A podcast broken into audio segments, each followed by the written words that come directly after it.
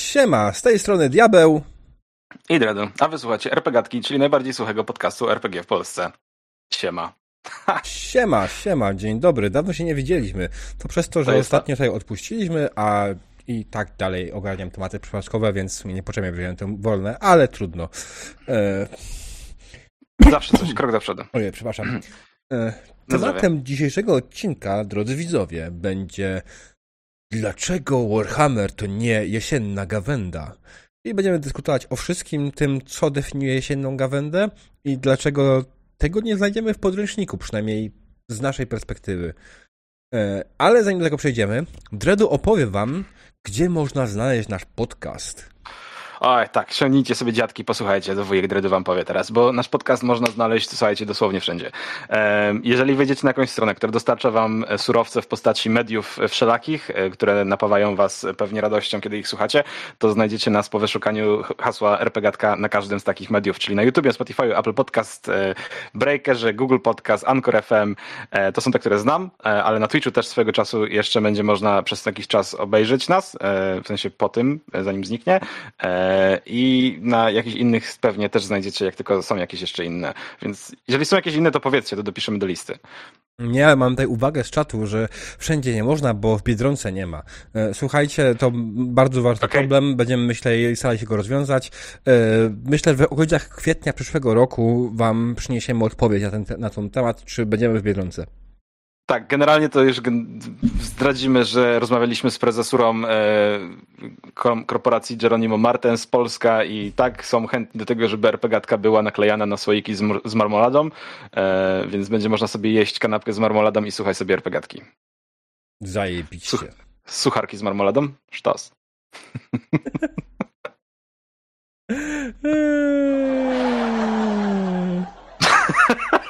Najlepiej. Okej. Okay. Okay. Okay, Drodzy widzowie, nadajemy na żywo, więc będziemy czytać, jak już zdążycie się prawdopodobnie zauważyć, i będziemy starać się odpowiadać na pytania, które się pojawią, ale nie odpowiemy na wszystko, więc nie obrażajcie się. Pamiętajcie, staramy się czytać wszystko, ale nie wszystko się nadaje i będziemy starać się tego pilnować. Ale zanim przejdziemy do samego odcinka, mamy standardowo. W ogóle, co w dzisiejszym odcinku będzie, Dredu? E, w dzisiejszym odcinku porozmawiamy o tym, co to w ogóle jest jesienna gawenda. Uuu, scary shit. Dodatkowo zastanowimy się, skąd taka popularność tego stylu w Polsce, bo chyba jest. E, mm, nie wiem, nie znam się. E, no i oczywiście mamy Suchara. Dało się. jest tak. straszny. Dredu dosłownie 5 minut temu wymyślił Suchara. Bójcie się, bo jest źle. przygotowałem sobie już kole, więc, więc będzie będzie można spokojnie wypić suchara e, razem ze mną. Okej, okay.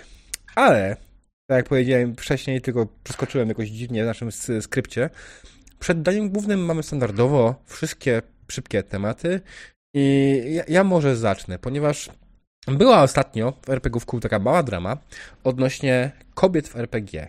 E, I ja w ogóle jestem zdziwiony, że większość ludzi misnęła point tej całej dramy i tego w ogóle o co chodziło. Znaczy generalnie autor, który zaczął, e, miał bardzo duże problemy z składnią i z tym, co chciał przekazać, ale w gruncie rzeczy chodzi o to, że twórcy, nie, nie mu nie chodziło w ogóle o to, czy kobiety mogą grać w RPG, czy nie.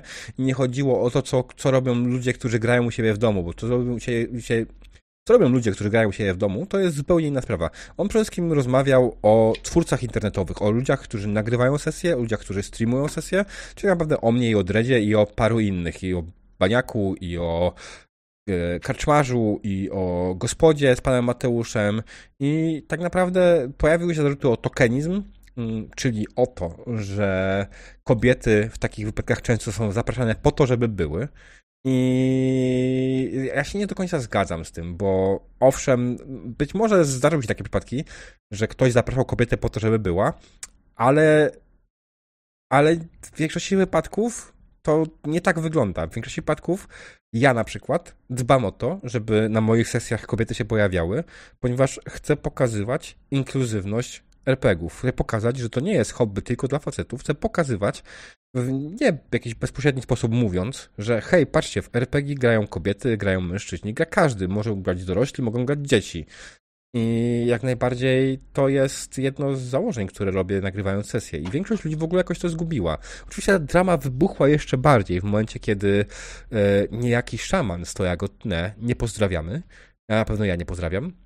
E, Szaman stoja go tnę e, generalnie zaczął uważać, że nigdy nie zaprosił kobiety na sesję po to, żeby zaprosić kobiety na sesję, e, gdzie po chwili Pandora ze skali wyzwania e, udowodniła mu, że jednak to zrobił i to był chyba największy point tej całej dramy, że hej, jeśli coś robisz, to nie wypieraj się tego. Jeśli zapraszasz kobiety na sesję, to nie jest złe. Złe jest ewentualnie, jakie masz intencje.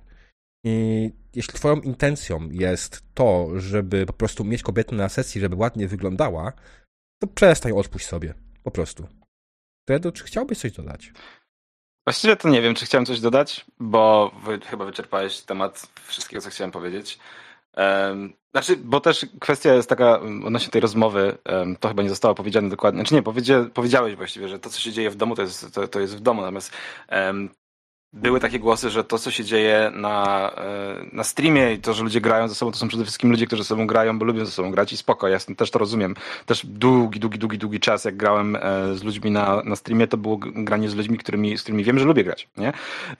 Ale niestety, albo stety, jeżeli chcesz coś robić publicznie, to musisz liczyć się z tym, że ludzie, którzy cię będą oglądali w bardziej lub mniej będą zwracali na, uwagę na to, co robisz i jak robisz. I nie chcę tutaj powiedzieć, że będą brali y, przykład z ciebie, ale będą zwracali uwagę na to i będą sobie nawet mimowolnie wyrabiali jakieś opinie i jakieś, jakieś zachowania. I no, nie, no, nie kłamiąc, w momencie, w którym siadasz do, do, do, do streama i widzisz sześciu facetów grających w RPG, e, no to odruchowo już jakieś wnioski wyciągasz sobie z tego, niektórzy takie, inni inne.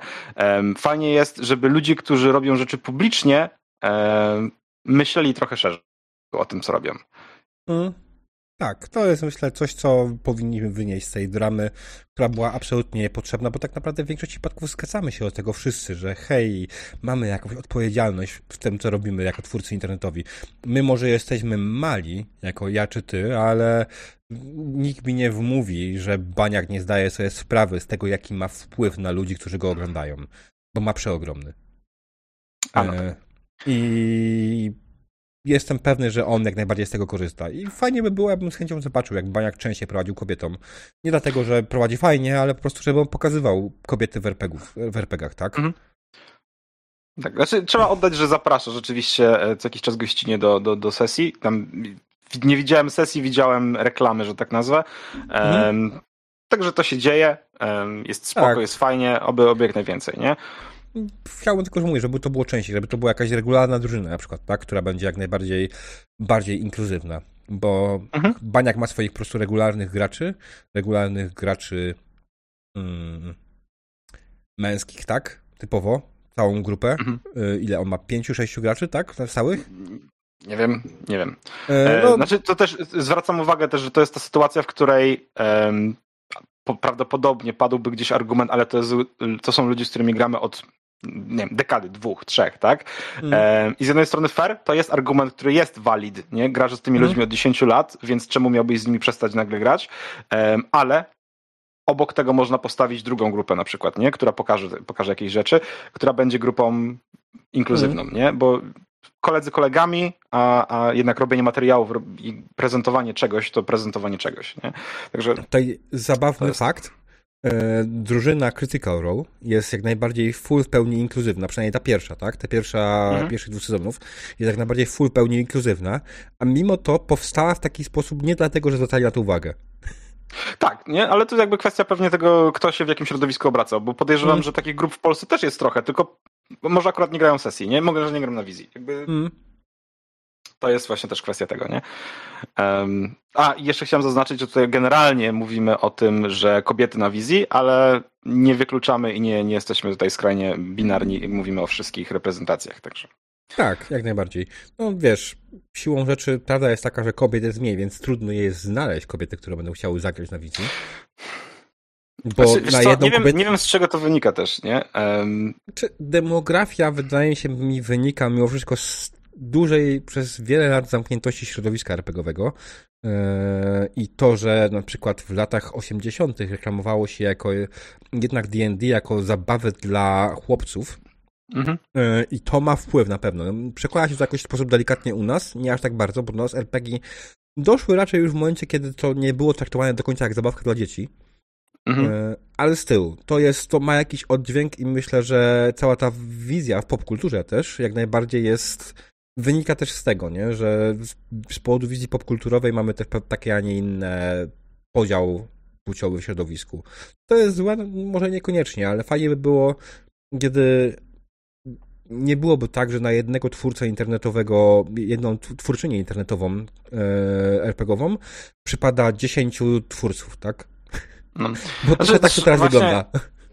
No tak, tylko że jakby nie możemy, nie możemy teraz iść w taką, jakby nie możemy zgarniać, obniżać w dół, nie? czy ograniczać się w dół, w sensie w jedną stronę, nie w drugą. Jakby jest mniej twórczyń, e, trzeba pomyśleć, jak zachęcić kobiety do tego, żeby wychodziły rzeczywiście na wizję i pokazywały i mówiły rzeczy, a nie wytykać palcami e, drugą stronę i mówić, że powinno być ich mniej. Więc jakby tutaj to, mm. to jest częsta praktyka, którą ludzie stosują i to nie o to, o to chodzi, tylko chodzi o to, żeby, żeby zmniejszyć ilość tylko mężczyzn, tylko zwiększyć ilość kobiet, powiedzmy. Um, ja na przykład jakby z perspektywy, patrząc na, na, na sytuację, w której szukałem graczy, graczek do sesji kiedyś, um, które już szły na wizję. Um, to było kwestia rzucenia ogłoszenia tu czy tam, że poszukuję do takiej takiej kampanii, opis kampanii i tak dalej, ludzi do gry. Um, I brałem tych, którzy się zgłosili i po rozmowie wydawali się być ok, totalnie nie zwracając na to uwagi, że 99% to byli faceci. Mhm. Przyszli to przyszli, zgłosili się to się zgłosili. Widocznie kobiety nie chcą, tak? Po czym się okazywało gdzieś tam po rozmowach, że wiesz co, w sumie to chciałam, ale jakoś tak wyszło, że, że, że bałam się napisać, nie? Czy że, że wstyd mi było mhm. napisać, czy coś takiego.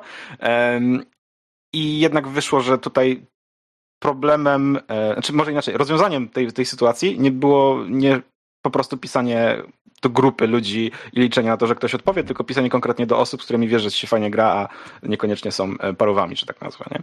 No tak, to, to prawda. Jakieś rozwiązanie jest. W ogóle to jest też taka kwestia, że my y, to nie jest tak, że kobiety potrzebują z strony facetów uratowania w tej sytuacji. No nie, tak? absolutnie, nie? Nie potrzebują e, konia na białym rycerzu, który przyjedzie i pokaże im, jak grać w RPG. Tutaj bardziej chodzi o to, że my jako faceci to, co możemy zrobić dobrze, to jest nie przeszkadzać i ewentualnie tak. pomagać w inicjatywach, które są fajne. Absolutnie, tak, i zrobić miejsce, nie? Tak, jak zrobiliśmy ostatnio na przykład na Dzień Kobiet, tak? To był Dzień Kobiet? Czy nie? To było w listopadzie z powodu akcji mm, Oli Menio, LPG-owego codziennika, kiedy oddaliśmy nasz podcast yes. na jeden odcinek Mał i... Boże. Absolutnie, nie? I, i jak się nazywała? Maria. Teraz Patty. na wizji. No. Tak, Patty to była. No, więc... Także no.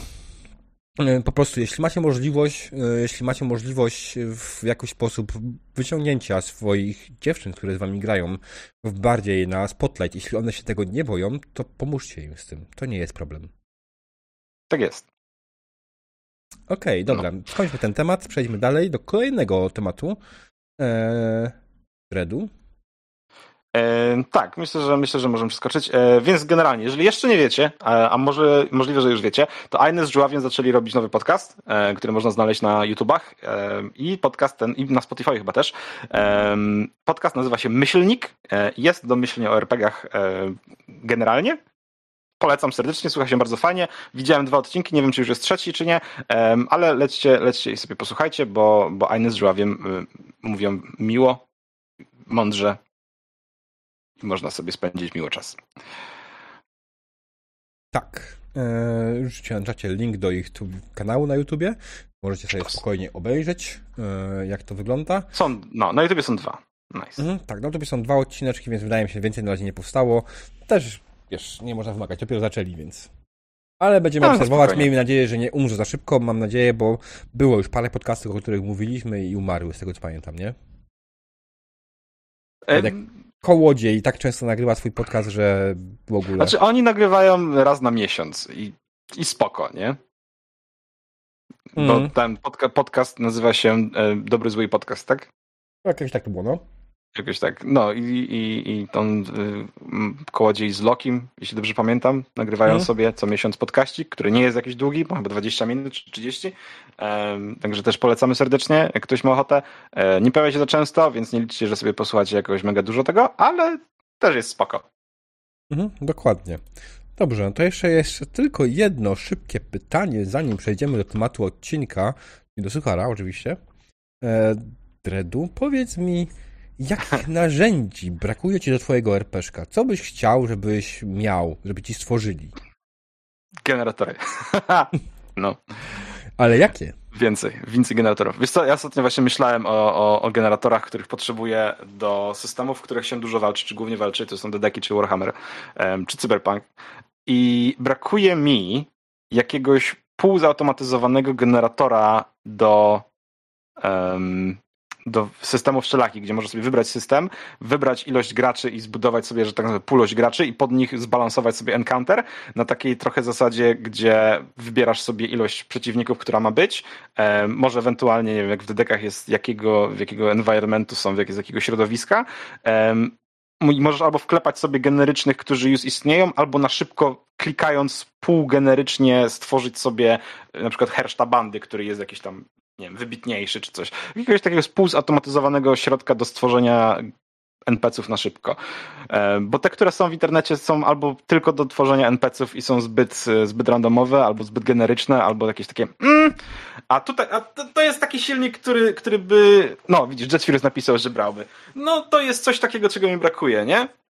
Hmm. Jakby jeszcze dawało radę zamiast tylko i wyłącznie walki robić jakieś, na znaczy nie, bo takie do, do storyline'ów to są, ale um, strukturyzujące może rzeczy, których potrzebujesz wymyśleć, nie? Jakby rzucasz, rzucasz sobie taki, taki, um, taki generator sobie odpalasz i na przykład wybierasz sobie z, z drop-downowej listy, jaką, jakiego rodzaju sesję czy kampanię chcesz zrobić, na przykład kampania drogi, tak? E, ile punktów przestankowych jest po drodze i wybierasz sobie na przykład, y, wylosowujesz czy wybierasz sobie z listy rzeczy i możesz sobie dopisać notatki. E, jakby taki, taki krok po kroku generator też, też, też by się myślę ludziom przydał. Mi średnio, ale myślę, że byłoby fajnie, jakby wszystko w jednym było już. A ty? Czego ci brakuje? Mm. Co jest tak się zastanawiam, bo odkąd mam Foundry, to tak naprawdę większość rzeczy, które mam, te stoły posiadają. To jest naprawdę zajebiste, bo mogę grać w Sevens i mając jak najbardziej automatycznie liczone rzuty. Mogłoby działać trochę lepiej, ale jest jest to zrobione dobrze. Mogłoby, nie wiem, potrzebowałbym ewentualnie w Cyberpunku mm, trochę lepiej opisanego samochodu i ogólnie części mechanicznej samochodu. W sensie tokenu samochodu, który faktycznie miałby uwzględnioną mechanikę z podręcznika samochodową. E, mm. Ale jest tam naprawdę sporo rzeczy i sporo fajnych rzeczy, więc kurczę, nie wiem do końca czegoś do końca, do końca tego, tego potrzebuję. Wydaje mi się, że to, czego ja potrzebuję, to ja potrzebuję generatora mapy, który będzie działał dobrze i będzie tworzył fajne environmenty e, randomowo z wybranych puli asetów, tak? Bo tak, tak naprawdę w większości przypadków na obecną chwilę na przykład mam, miałem generatory fajne, które lubiłem, które mi generują mapy, ale na przykład nie korzystają z konkretnej puli asetów. Ja na przykład jak ja mam swoją pulę asetów, mam na dysku pulę asetów, pokazuję mu, dobra, generujesz, masz tutaj pulę asetów, które mam na dysku, zrób mi coś z tego, nie? No. Wiesz co, ja mam jeszcze lepszy pomysł. Znaczy nie, ja nie powiedziałeś, nie, może nie lepszy, ale mam pomysł podobny e, odnośnie generowania mapy. Są AI, -e, które rysujesz sobie na przykład niebieską kreskę, czy tam, wiesz, malujesz sobie na szybko w pęcie jakieś tam kształty i on ci z tego generuje obraz, który wygląda jak zdjęcie. I teraz wyobraź sobie, że zamiast zdjęcia e, rysujesz kształty i on ci z tego generuje mapę, e, mhm. na tej podstawie. Tylko i wyłącznie dlatego, że narysowałeś niebieską kreskę, to robić tam rzekę, a tam, gdzie narysowałeś pomarańczową kropkę, to rysuje ci na przykład, nie wiem, wulkan, nie? E, I to jest coś, co by mnie jerało, gdzie na przykład możesz sobie sprecyzować, jak, jakiej wielkości jest mapa, którą rysujesz i on ci potem dorabia e, rzeczy do tych e, fragmentów, które narysowałeś i, i, i mm. zaprogramowałeś, że tak nazwę, bazowo, nie? Sure. Ja bardziej no. myślałem oczywiście o battle mapach, bo jak wiadomo, mapa wedle tego, co mówi kartograf, to nie jest to, co my myślimy.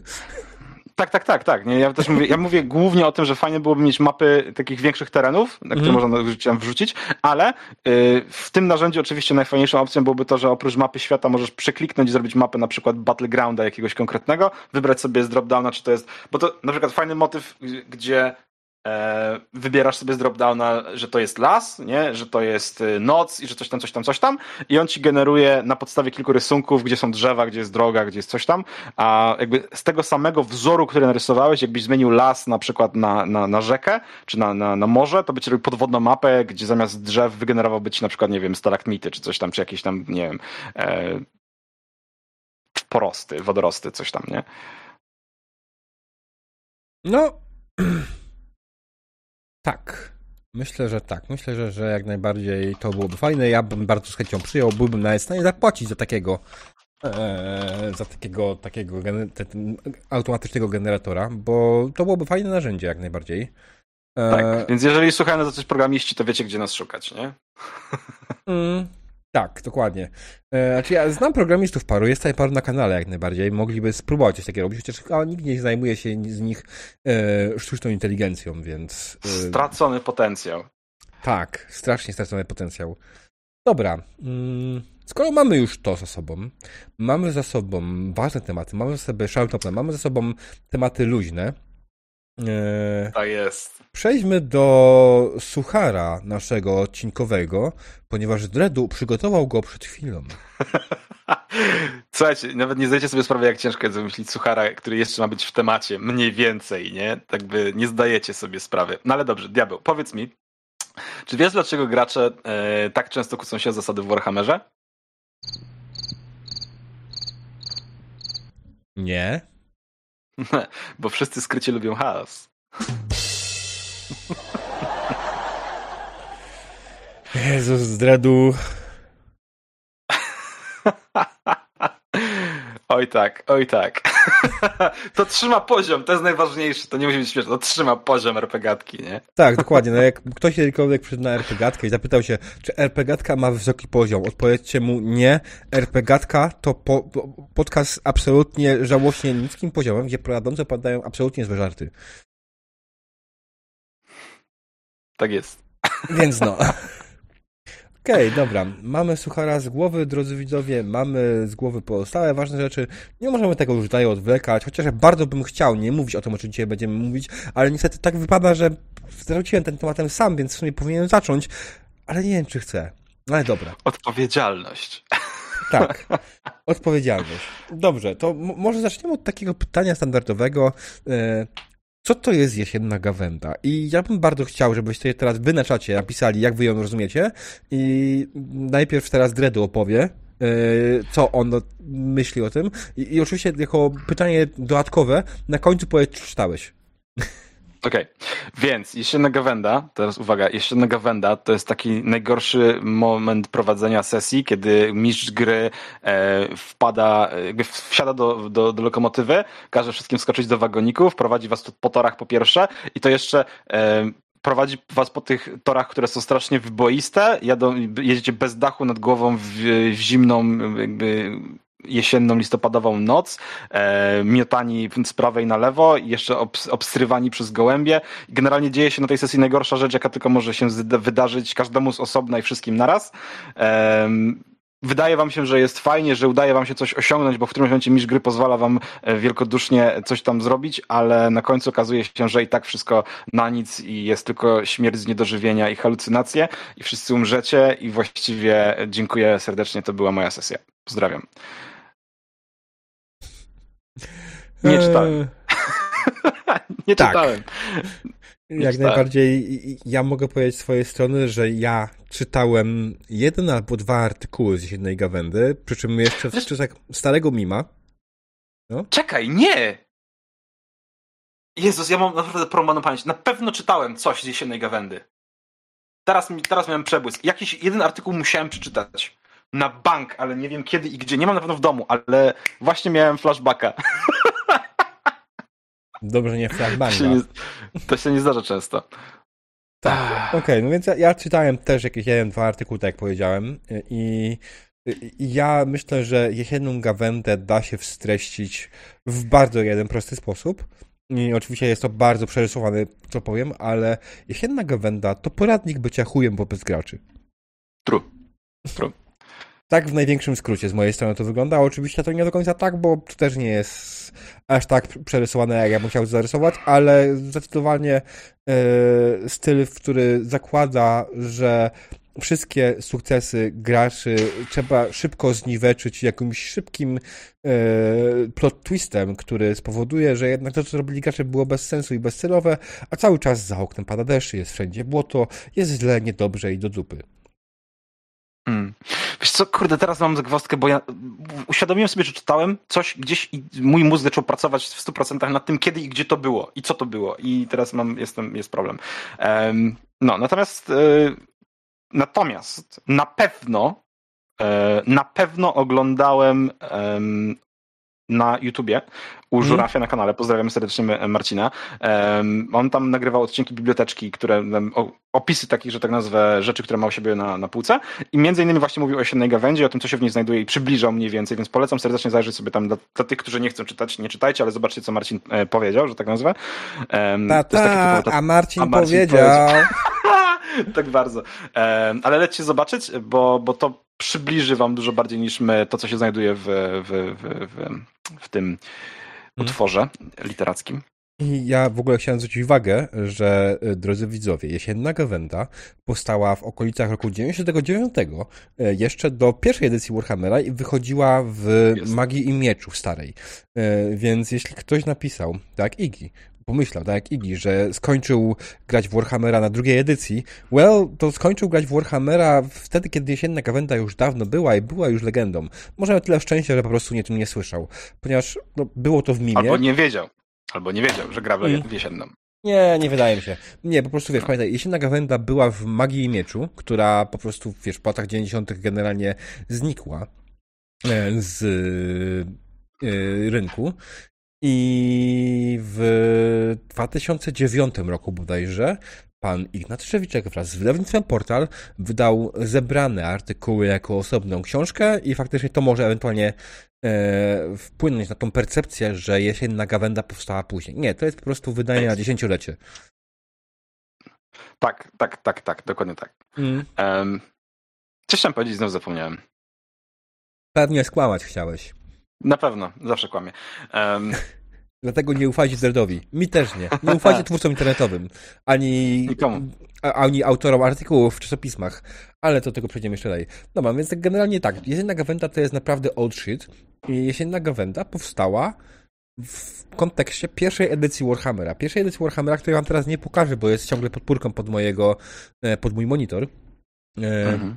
Ale e, tutaj dużo myślę zadziałał na wyobraźnię Trzewika styl. Styl, w jakim jest narysowana e, pierwszy z Warhammera. Przy czym trzeba zwrócić uwagę na jedno. Ten styl jest dość charakterystyczny. Pierwsza edycja Warhammera wyszła, oryginalna po angielsku, wyszła w 84 roku. czyli no w chuj czasu temu. To jest tak stara gra jak ja. ale Pierwsza edycja stylem graficznym nie odbiegała za bardzo do obecnych edycji D&D, które wtedy były. Bo... Znaczy, powiem więcej, bo, bo, tak sobie teraz pomyślałem generalnie o książkach, bo mam parę hmm. tytułów, tylko teraz nie widzę ich na półce, nie chce mi się wbiegać. Mam parę tytułów z tamtych lat, książek, czy około tego, tej, mm. tego dziesięciolecia. Um, i generalnie okładki rzeczy poświęconych czy około fantastycznych wyglądały dość podobnie. Um, więc, e, więc to nie jest kwestia tylko i wyłącznie Warhammeru, to nie jest kwestia wyłącznie D&D, jakby one były zbliżone, dlatego że tak się po prostu, tak, taki był nurt, nie? Tak, tak, tak to wszystko wyglądało.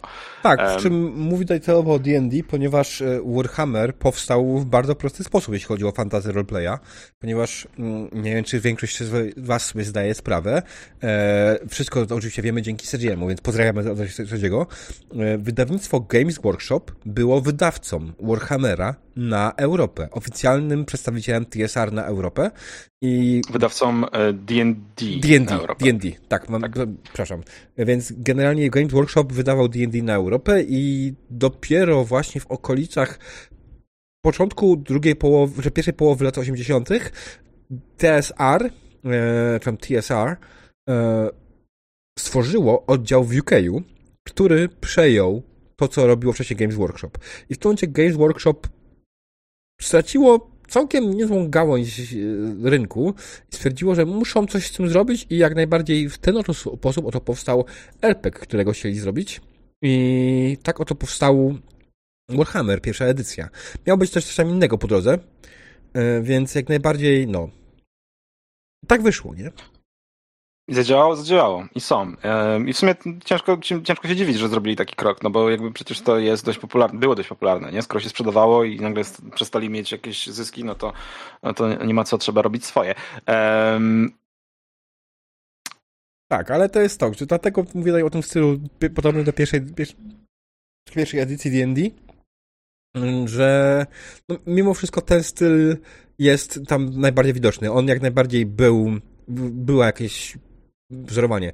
Co inna jeszcze ciekawsza rzecz, e, sama okładka pierwszej edycji Warhammera polskiej, ta okładka z tym słynnym zameczkiem, to w mm. polskiej wersji językowej jest zmieniona okładka. Pierwsza edycja Warhammera w Polsce wyszła tak naprawdę z okładką śmierci, śmierci na rzece Reik e, kampanii, tak?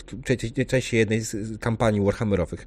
I to też miało wpływ. Pierwsza edycja Warhammera po angielsku ma inną okładkę, i jest zdecydowanie w innym jest klimacie. Jest zbliżona do, takim klimat, do tego klimatu okładek, które znajdują się na, drugiej, na drugiej edycji czy na czwartej edycji. Nie? To jest kwestia jakichś tam bohaterów tak. miotających się wokół wroga.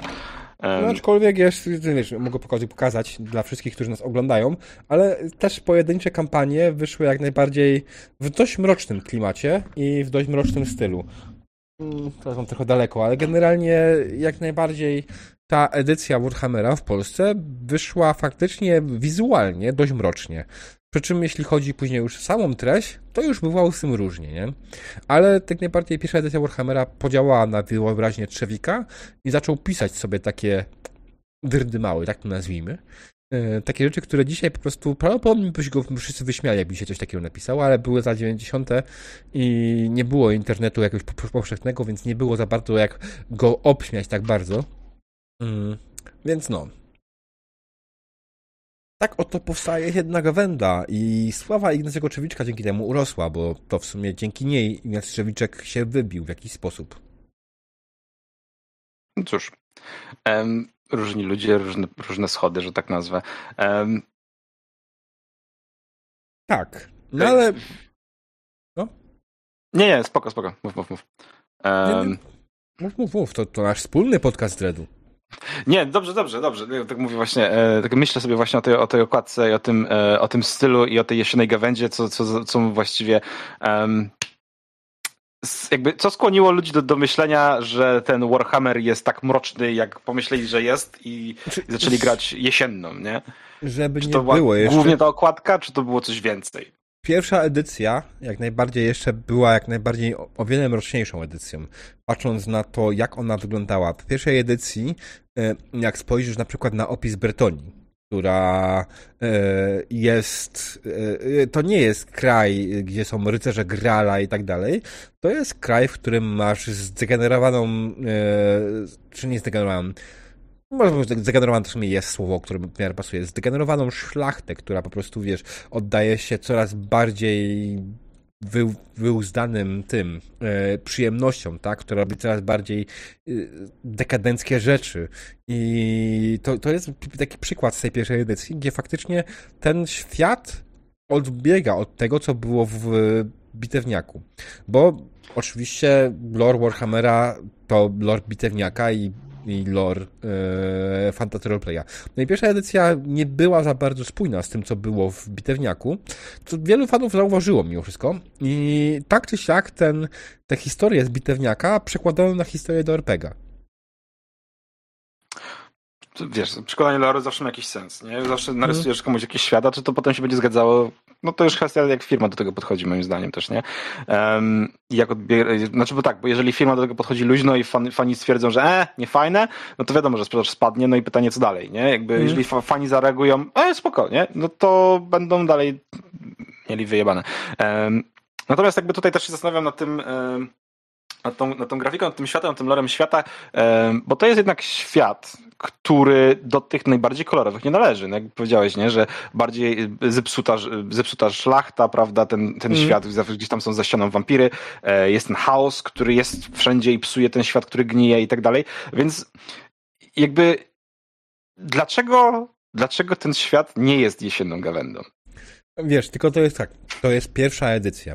Pierwsza mhm. edycja, mm. która wyszła w 1984 roku, która była absolutnie niekompatybilna z całą resztą rzeczy, która wyszła w uniwersum Warhammera. to trzeba zwrócić na to uwagę. I tutaj jak najbardziej też Eszek napisał na czacie. Zgadzam się, jak poczytasz dokładnie pierwszą edycję, jasno jest napisane, że ten świat upadnie, by było chaos i to tylko kwestia czasu. Tak, ale właśnie i to jest to. Później, w 2005 roku nadeszła druga edycja, czyli w sumie 6 lat po jesiennej gawędzie nadeszła druga edycja, która już wcale nie jest taka nieróżowa, tak? Nie jest może w pełni kolorowa i trochę e, w pełni kolorowa i jakoś radosna i w ogóle, tak? Nie są to dedeki w Faurunie, ale styl to jest gra, która jednak już ma trochę inne założenia. E, o wiele inne. To nie jest gra, w której przynajmniej patrząc na oficjalne materiały, oficjalne kampanie, to nie jest gra, w której świat zaraz upadnie i nic z tym nie zrobisz, to jest tylko kwestia czasu. To nie jest świat, w którym e, wszystko skazane jest na porażkę, bo tak nie jest. To jest świat, który pokazuje ci co chwilę, e, nawet czytając historię tej drugiej, drugiej edycji, co chwilę masz hi przytoczoną historię jakiegoś bohatera, który ratuje świat przed zagładą, nie? Mhm. To jest taka trochę y, taka, taka historia w tej drugiej edycji i w późniejszych również e, świata, który który, w którym jest przepieprzone, przejebane, żeby nie powiedzieć, prawda? W którym jest źle i wszyscy czyhają w każdym momencie, żeby wbić nóż w plecy. To jest świat, który jest brutalny, smutny, jesienny i tak dalej, i tak dalej. Jakby wszędzie jest ten chaos, nie? Każdy może się potknąć, nie wiadomo kto jest kultystą, a kto nie. E, jest dużo zła, ale to jest ten świat, który pokazuje ci, że w tym świecie e, jesteś ty jako bohater, który może jakby odwrócić czy odmienić ten los, nie? I zrobić coś fajnego, jakby. No na tym polega ta gra, nie? Że e, tu jesteś tym bohaterem, który rzeczywiście nie jest w kolorowym fejrunie, tylko jest w świecie złym, brudnym i brzydkim. Mierzy się z niesamowitą ilością przeciwności i prawdopodobnie zginie, robiąc ten ostateczny cios, który uratuje świat i nie będzie w stanie przeżyć, dożyć tej chwały i, i, i, tego momentu, w którym ludzie będą cię nosić na rękach, ale jesteś bohaterem, który sprawi, że ten świat ostatecznie nie zginie. Nie? Jakby to jest cały. Ta, ta, różnica jest taka, że w dekach ty przeżyjesz i wszystko będzie super, nie? To jest tak kolorowane. W Warhammerze jest tak, że prawdopodobnie zginiesz zadając ten ostateczny cios, nie? Ale ludzie będą potem o tobie mówić. Um, więc, więc ja tutaj mam takie wrażenie, że po pierwszej edycji ludzie dużo wyciągnęli z pierwszej edycji, wrzucili ją w drugą i stwierdzili, dobra, dalej będziemy umierać od zimna i od, od mrożeń i z głodu. Jakoś to się po prostu po, posypało i poszło w tę stronę. I gdzieś wyszła ta, taka sytuacja, że wzięliśmy sobie, nie wiem, czy to przyjmę, że to jest kwestia bardziej narodowa, bo nam się to zdarza dość często. Wzięliśmy sobie jakiś jeden punkt, e, że tak nazwę, skupiliśmy się na nim w całości i wyolbrzymiliśmy go. I w, przy kwestii Warhammera to było, że wzięliśmy sobie właśnie e, tą kwestię, że cały świat jest przeciwko tobie, jest nie fair i wyolbrzymiliśmy to jeszcze bardziej i jakby zatrzymaliśmy się na punkcie, że wszystko jest tą, wszystko jest tą jesienną gawędą, wszystko jest przeciwko tobie i po prostu umrzesz niezależnie co robisz i jakby smutek, cierpienie i w ogóle żal i mhm. rozpacz.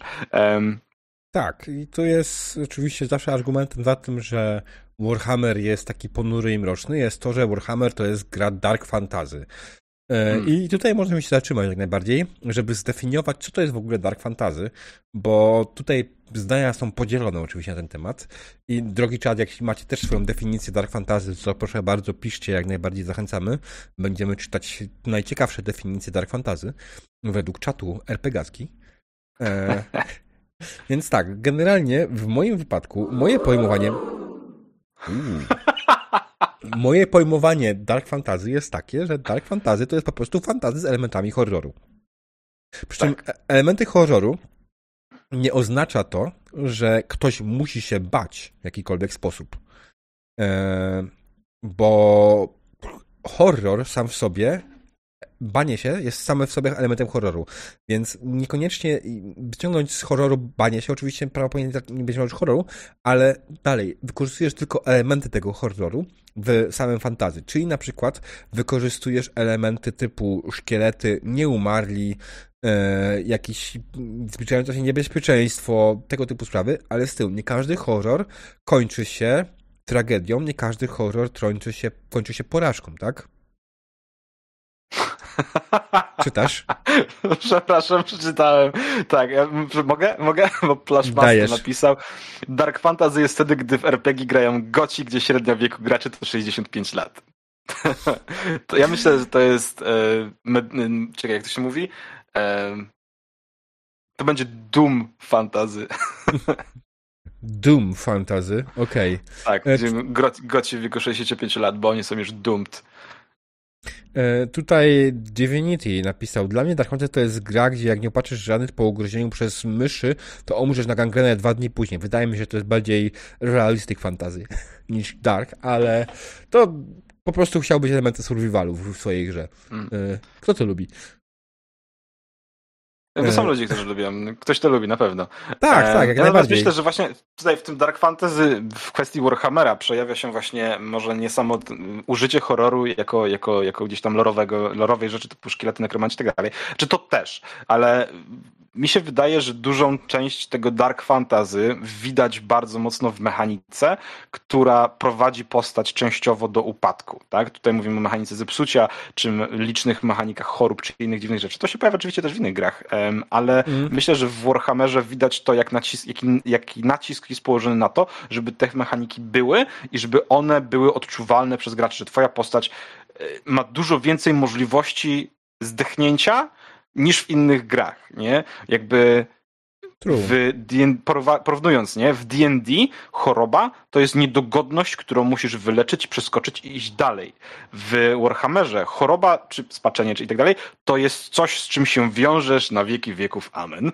I jakoś sobie z tym nauczysz żyć. I to jest kwestia taka, takiej horrorowatości, czy tego dark, które się zawiera moim zdaniem w, w kwestii dark fantasy w Warhammerze. No fantasy oczywiście to jest kwestia tego, że są elfy i są krasnoludy. Tak? Są elfy i krasnoludy w Warhammerze? Nie Kiedyś wiedziałem. Były. Kiedyś były.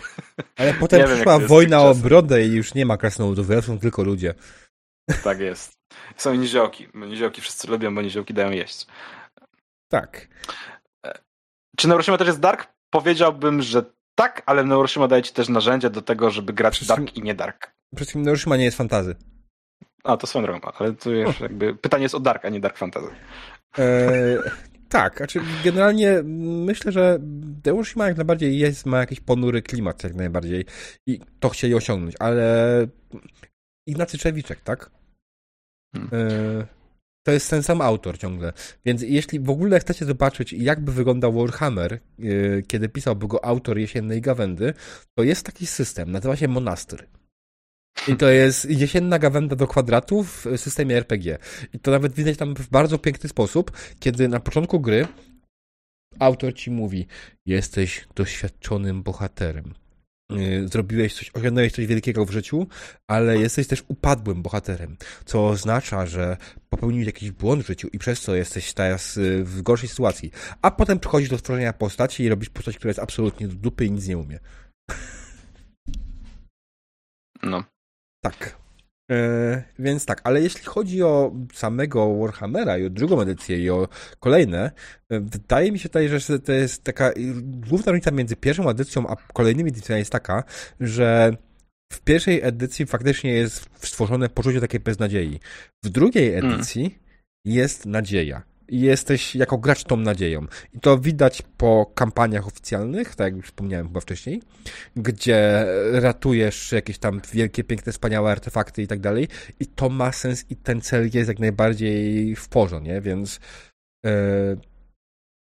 no, ta druga edycja i trzeciej, której nie znam, więc to jest zupełnie sprawa, jest o wiele mniej mroczna, bo w pierwszej edycji jest kampania, właśnie, czy Dark Fantasy. To jest kampania, która jak najbardziej jest bardzo, bardzo horrorowa. Ma tutaj bardzo wiele elementów. Nawet jedna sesja jest całkowicie w pełni horrorową sesją, która jest no, w zależności jak jesteś w stanie to poprowadzić. Ale Potępieniec jest taką kampanią, która faktycznie mogłaby reklamować e, tą Dark Fantasy e, część e, mhm. Warhammera. Inna sprawa, że Dark Fantasy to jest taka piękna książka z gatunku Dark Fantasy, w której w ogóle praktycznie nie ma elementów takich horrorowych, jakoś specjalnie w dużych ilościach, ale chodzi też o ponury, mroczny klimat. I tą książką jest oczywiście Czarna Kompania. E, I jeśli ktoś chce zobaczyć, jak powinno wyglądać Dark Fantasy, to polecam mu przeczytać Czarną Kompanię. I Czarna Kompania jak najbardziej jest tutaj świetnym przykładem. Tutaj faktycznie jest ta beznadzieja, kiedy przegrywamy wojnę i jesteśmy siły ciemności wygrywają i tak dalej, ale ta czarna kompania jakoś coś próbuje zrobić, żeby przeżyć. Yy, przy czym niekoniecznie to musi kogoś bawić w graniu w RPG i Warhammer pod tym kątem raczej idzie w inne klimaty, wydaje mi się. Mm. Jednak mimo wszystko gramy w każdej edycji, gramy w momentach, kiedy wszystkie inwazje chaosu się skończyły. W pierwszej edycji jesteśmy wiele lat po inwazji chaosu, tuż przed kolejną, a w drugiej edycji jesteśmy po inwazji chaosu, po burzy chaosu i jak najbardziej mamy już na to wyjebane. Już jest, burza chaosu się już skończyła. Ludzie yy, przegonili chaos. Ludzie wygrali. Tak, natomiast żyją gdzieś tam w cieniu tego wszystkiego i jest takie, takie podejrzenie, że a, to jeszcze wróci, coś jeszcze stanie, nie? Więc jakby... Um, tak, ale to wiesz, tam, to, jest, to jest Y, to jest tak jak, PT, tak z PTSD, nie? Przeżyłeś coś takiego, to powiem masz PTSD. No. Natomiast jeszcze jakby, jakby nie patrzeć potem, e, oprócz Burzy Chaosu były też tak zwane end timesy, które też są i są, ale jakby wracając do oficjalnych kampanii, nie chcę teraz kopnąć się, ale grałem bodajże w Szarą Eminencję, która, znaczy grałem to chyba była Szara Eminencja, ona się dzieje w mieście Białego i cała kampania, którą rozgrywasz, rozgrywa się w mieście, w którym jest święto i jest jarmark i generalnie ludzie piją, jedzą i robią rzeczy e, i tam musisz wyłapać sobie, znaczy kto grał, ten grał, kto nie grał, ten nie grał. Ja pozdrawiam księdza, który mi to prowadzi w Mistrzostwo Świata, jest na YouTubie nawet. I to jest kampania, która jakby autentycznie rzecz biorąc jest tak mało dark, jak tylko może być, bo jesteś cały czas wesołym dupkiem gdzieś tam w środku miasta, w którym jest jarmark i się po prostu cieszysz. Oczywiście ten dark, który tam ma być, przebija się tymi momentami, kiedy dotykasz na przykład, nie wiem, jakichś kultystów, którzy się pojawiają, czy, czy mrocznych spraw gdzieś tam wewnątrz miasta. E, natomiast to jest, to właśnie to jest ten, ten argument, który ci pokaże, że jest e, jakby na koniec kampanii, czy podsumowanie tej kampanii, to jest miejsce, w którym dowiadujesz się, że rzeczywiście możesz, masz wpływ, możesz zmieniać, mogą się dziać fajne rzeczy i, i, i jak najbardziej Warhammer może być super cool, nie? E, I nie wszystko jest skazane na porażkę.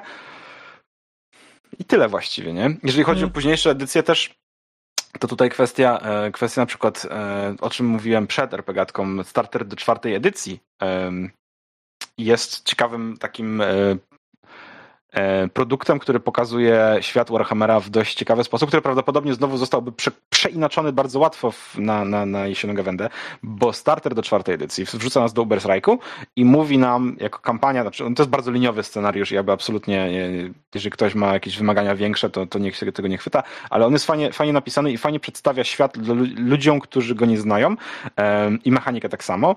I on mówi ci, słuchaj, zrób to, zrób tam, pierwsza misja, druga misja, trzecia. Za każdym razem, jak skończysz misję, to ktoś ci mówi, że jest super, tak? Twój przełożony powiedzmy, że super. W ogóle misję wykonujesz z przymusu, bo zostałeś skazany na to, żeby je wykonywać, ale nieważne, bo cię wrobili. I twój przełożony po tym, jak przejął nad tobą, że tak nazwę, opiekę, mówi ci zrób to, zrób tamto, czy nawet samej własnej woli mówi, że, że zrobimy to, czy zrobimy tamto. I na koniec tej kampanii on, że tak nazwę, z uśmiechem na twarzy przyjmuje nagrodę za to, że e, ty zrobiłeś robotę, to on dostaje nagrodę, że to niby wszystko jego zasługa, jeszcze ci się brutalnie patrzy w oczy i śmieje, nie?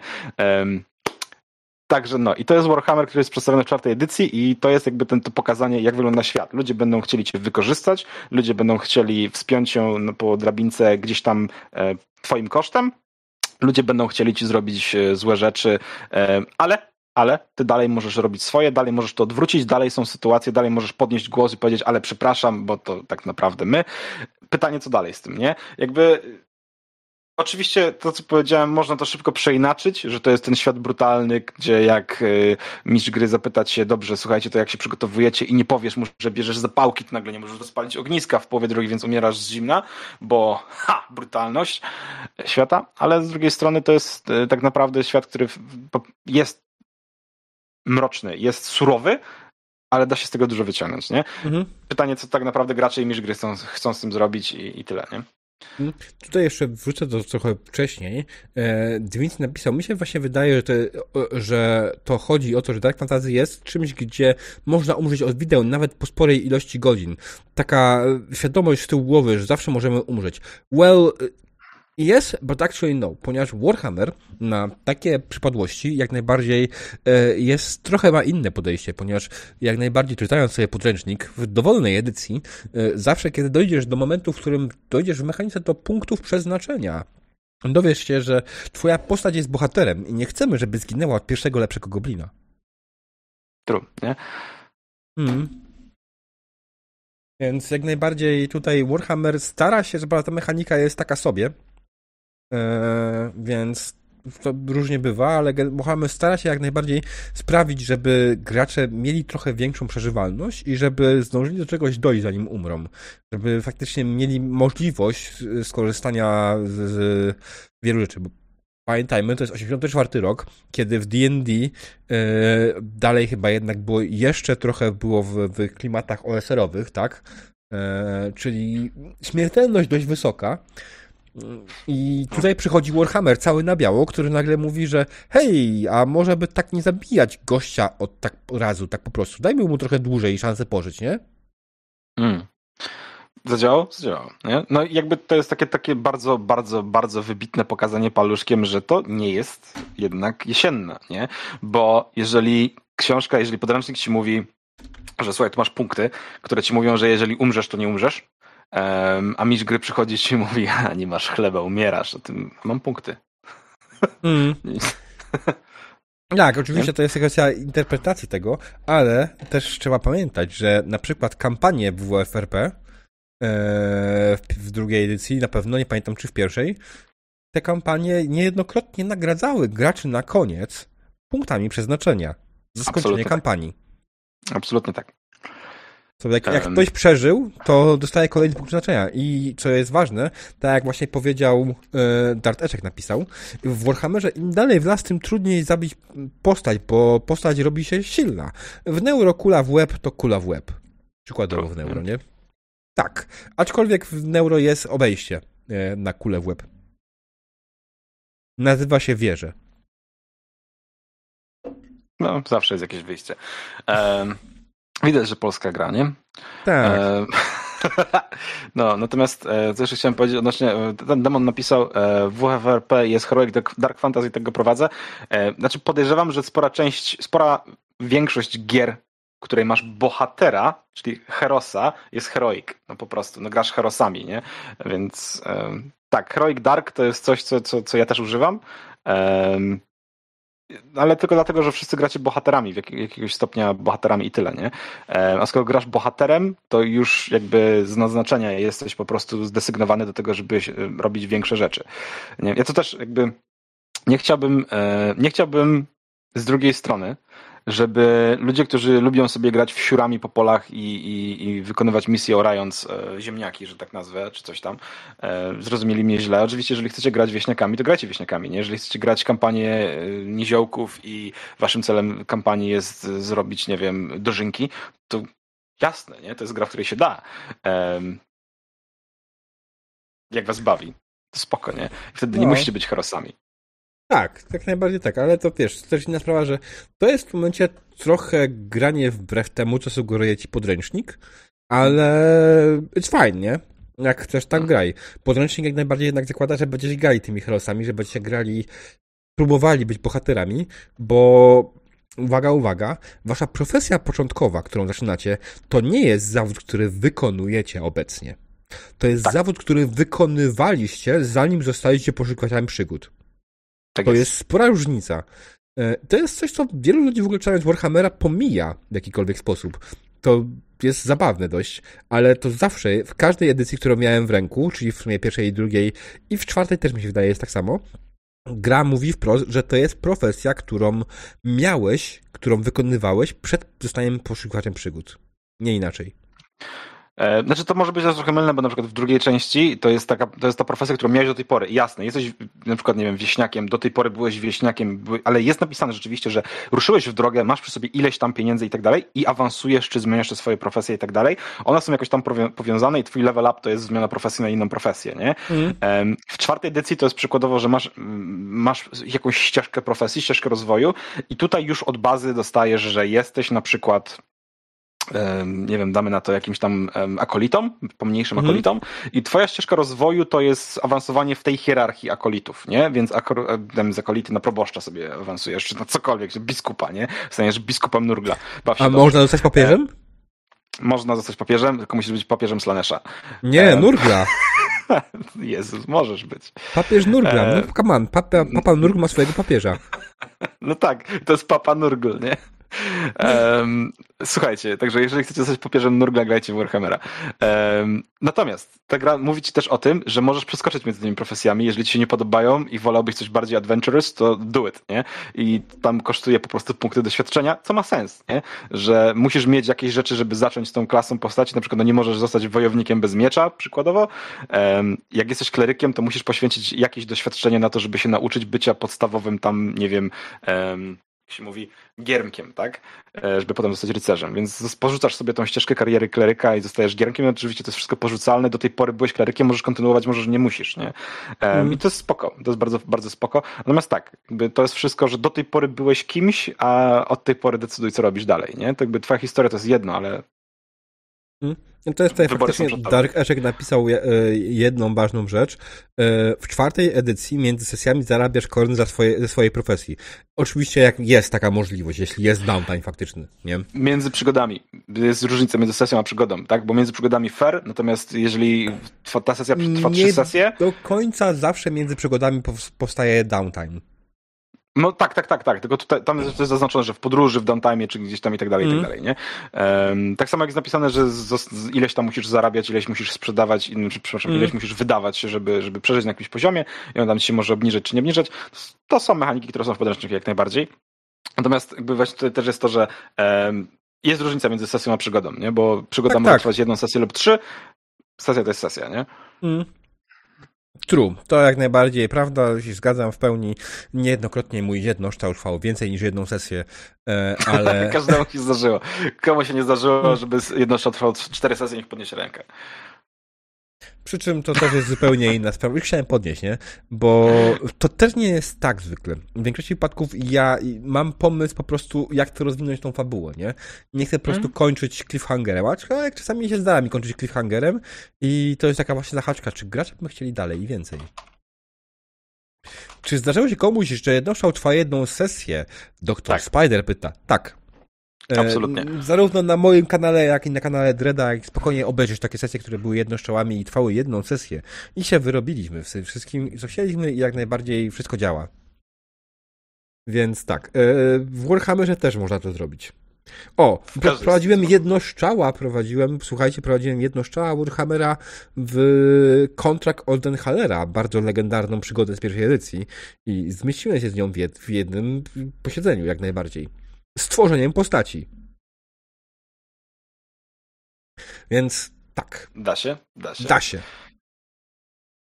Ale tak, jak coś, to niech ktoś, kto pierwszy, y, ten, kto, kto jak najbardziej umie zrobić w ten sposób, nigdy mu się nie zdarzyło zrobić jedno szczoła na więcej niż jedną sesję, niech pierwszy rzuci K100. tak, kasetką. Yeah! Mm. Um, tak, no ale tak, tak, tak, da się, da się prowadzić jednostrzały, da się, da się je mm. otworzyć i zamknąć.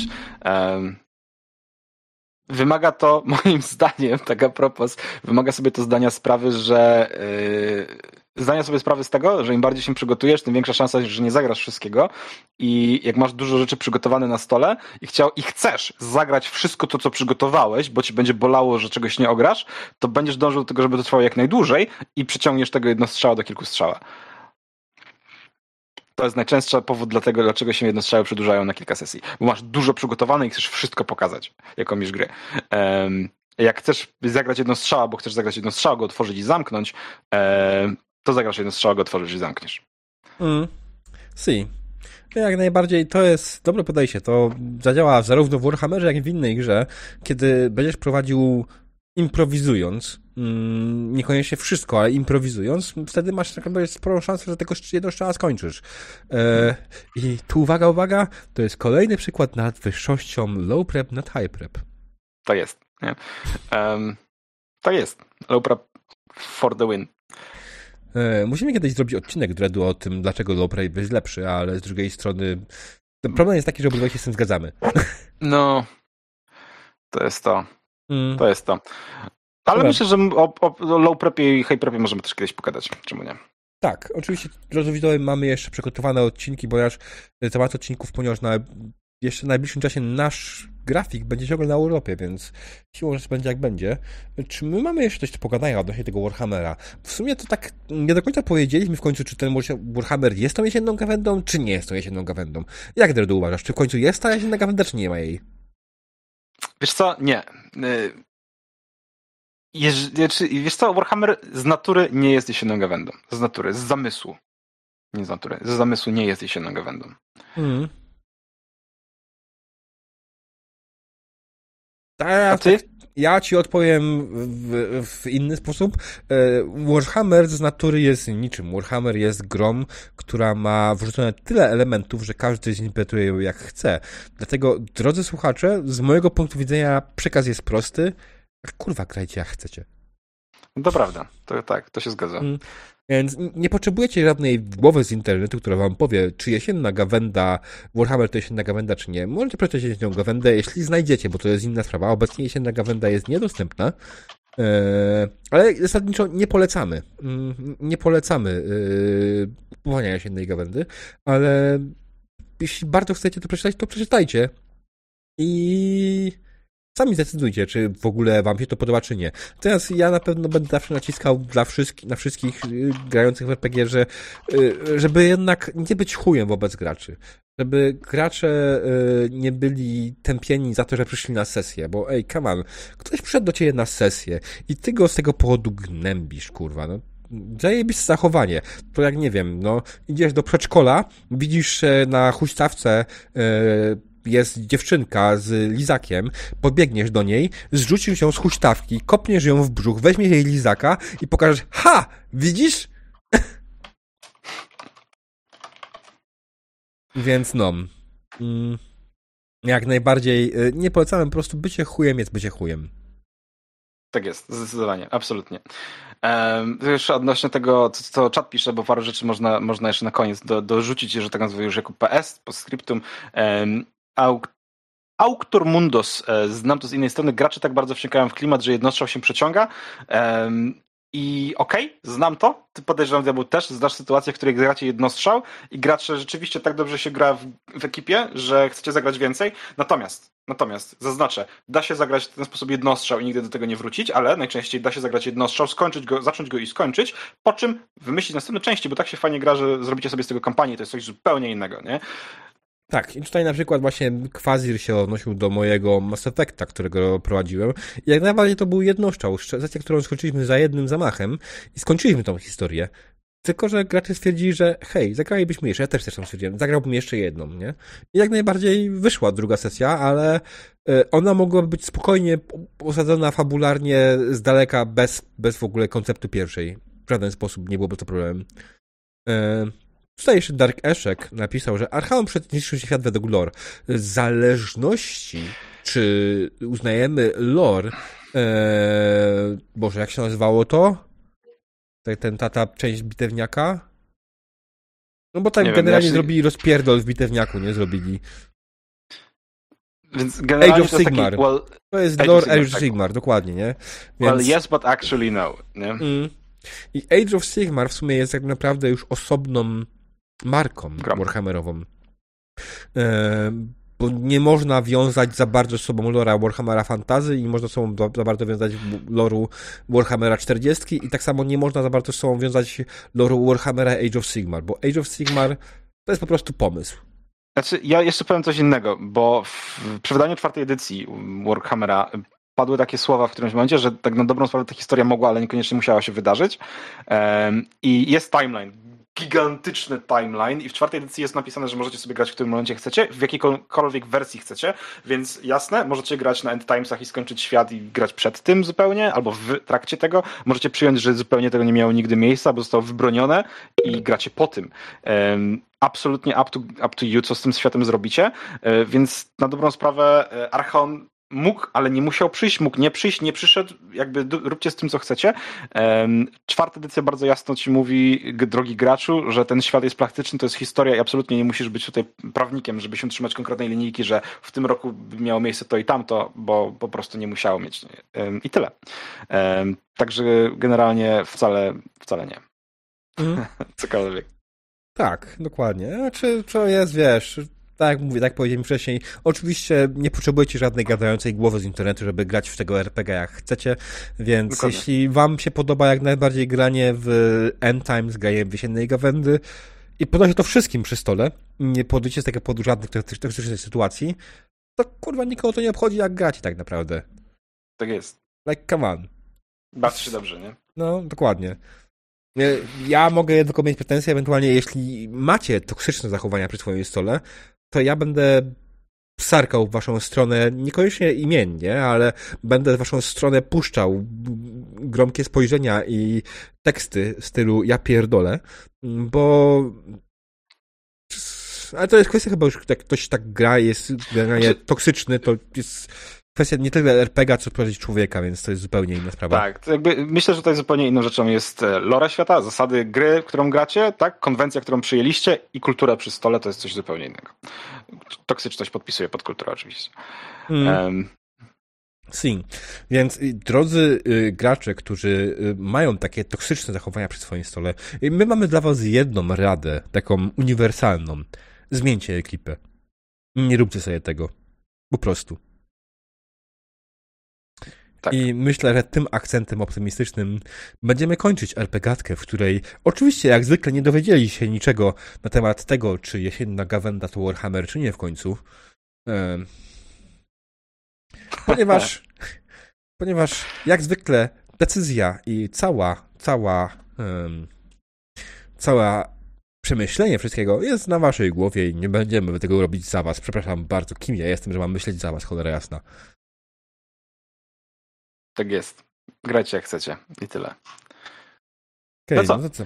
No trzeba skończyć ten podcast w takim razie, tym optymistycznym akcentem, więc e, moi drodzy, słuchaliście podcastu RPGatka. Ja jestem Dredu. A ja Diabeł. Dobranoc. Dobranoc.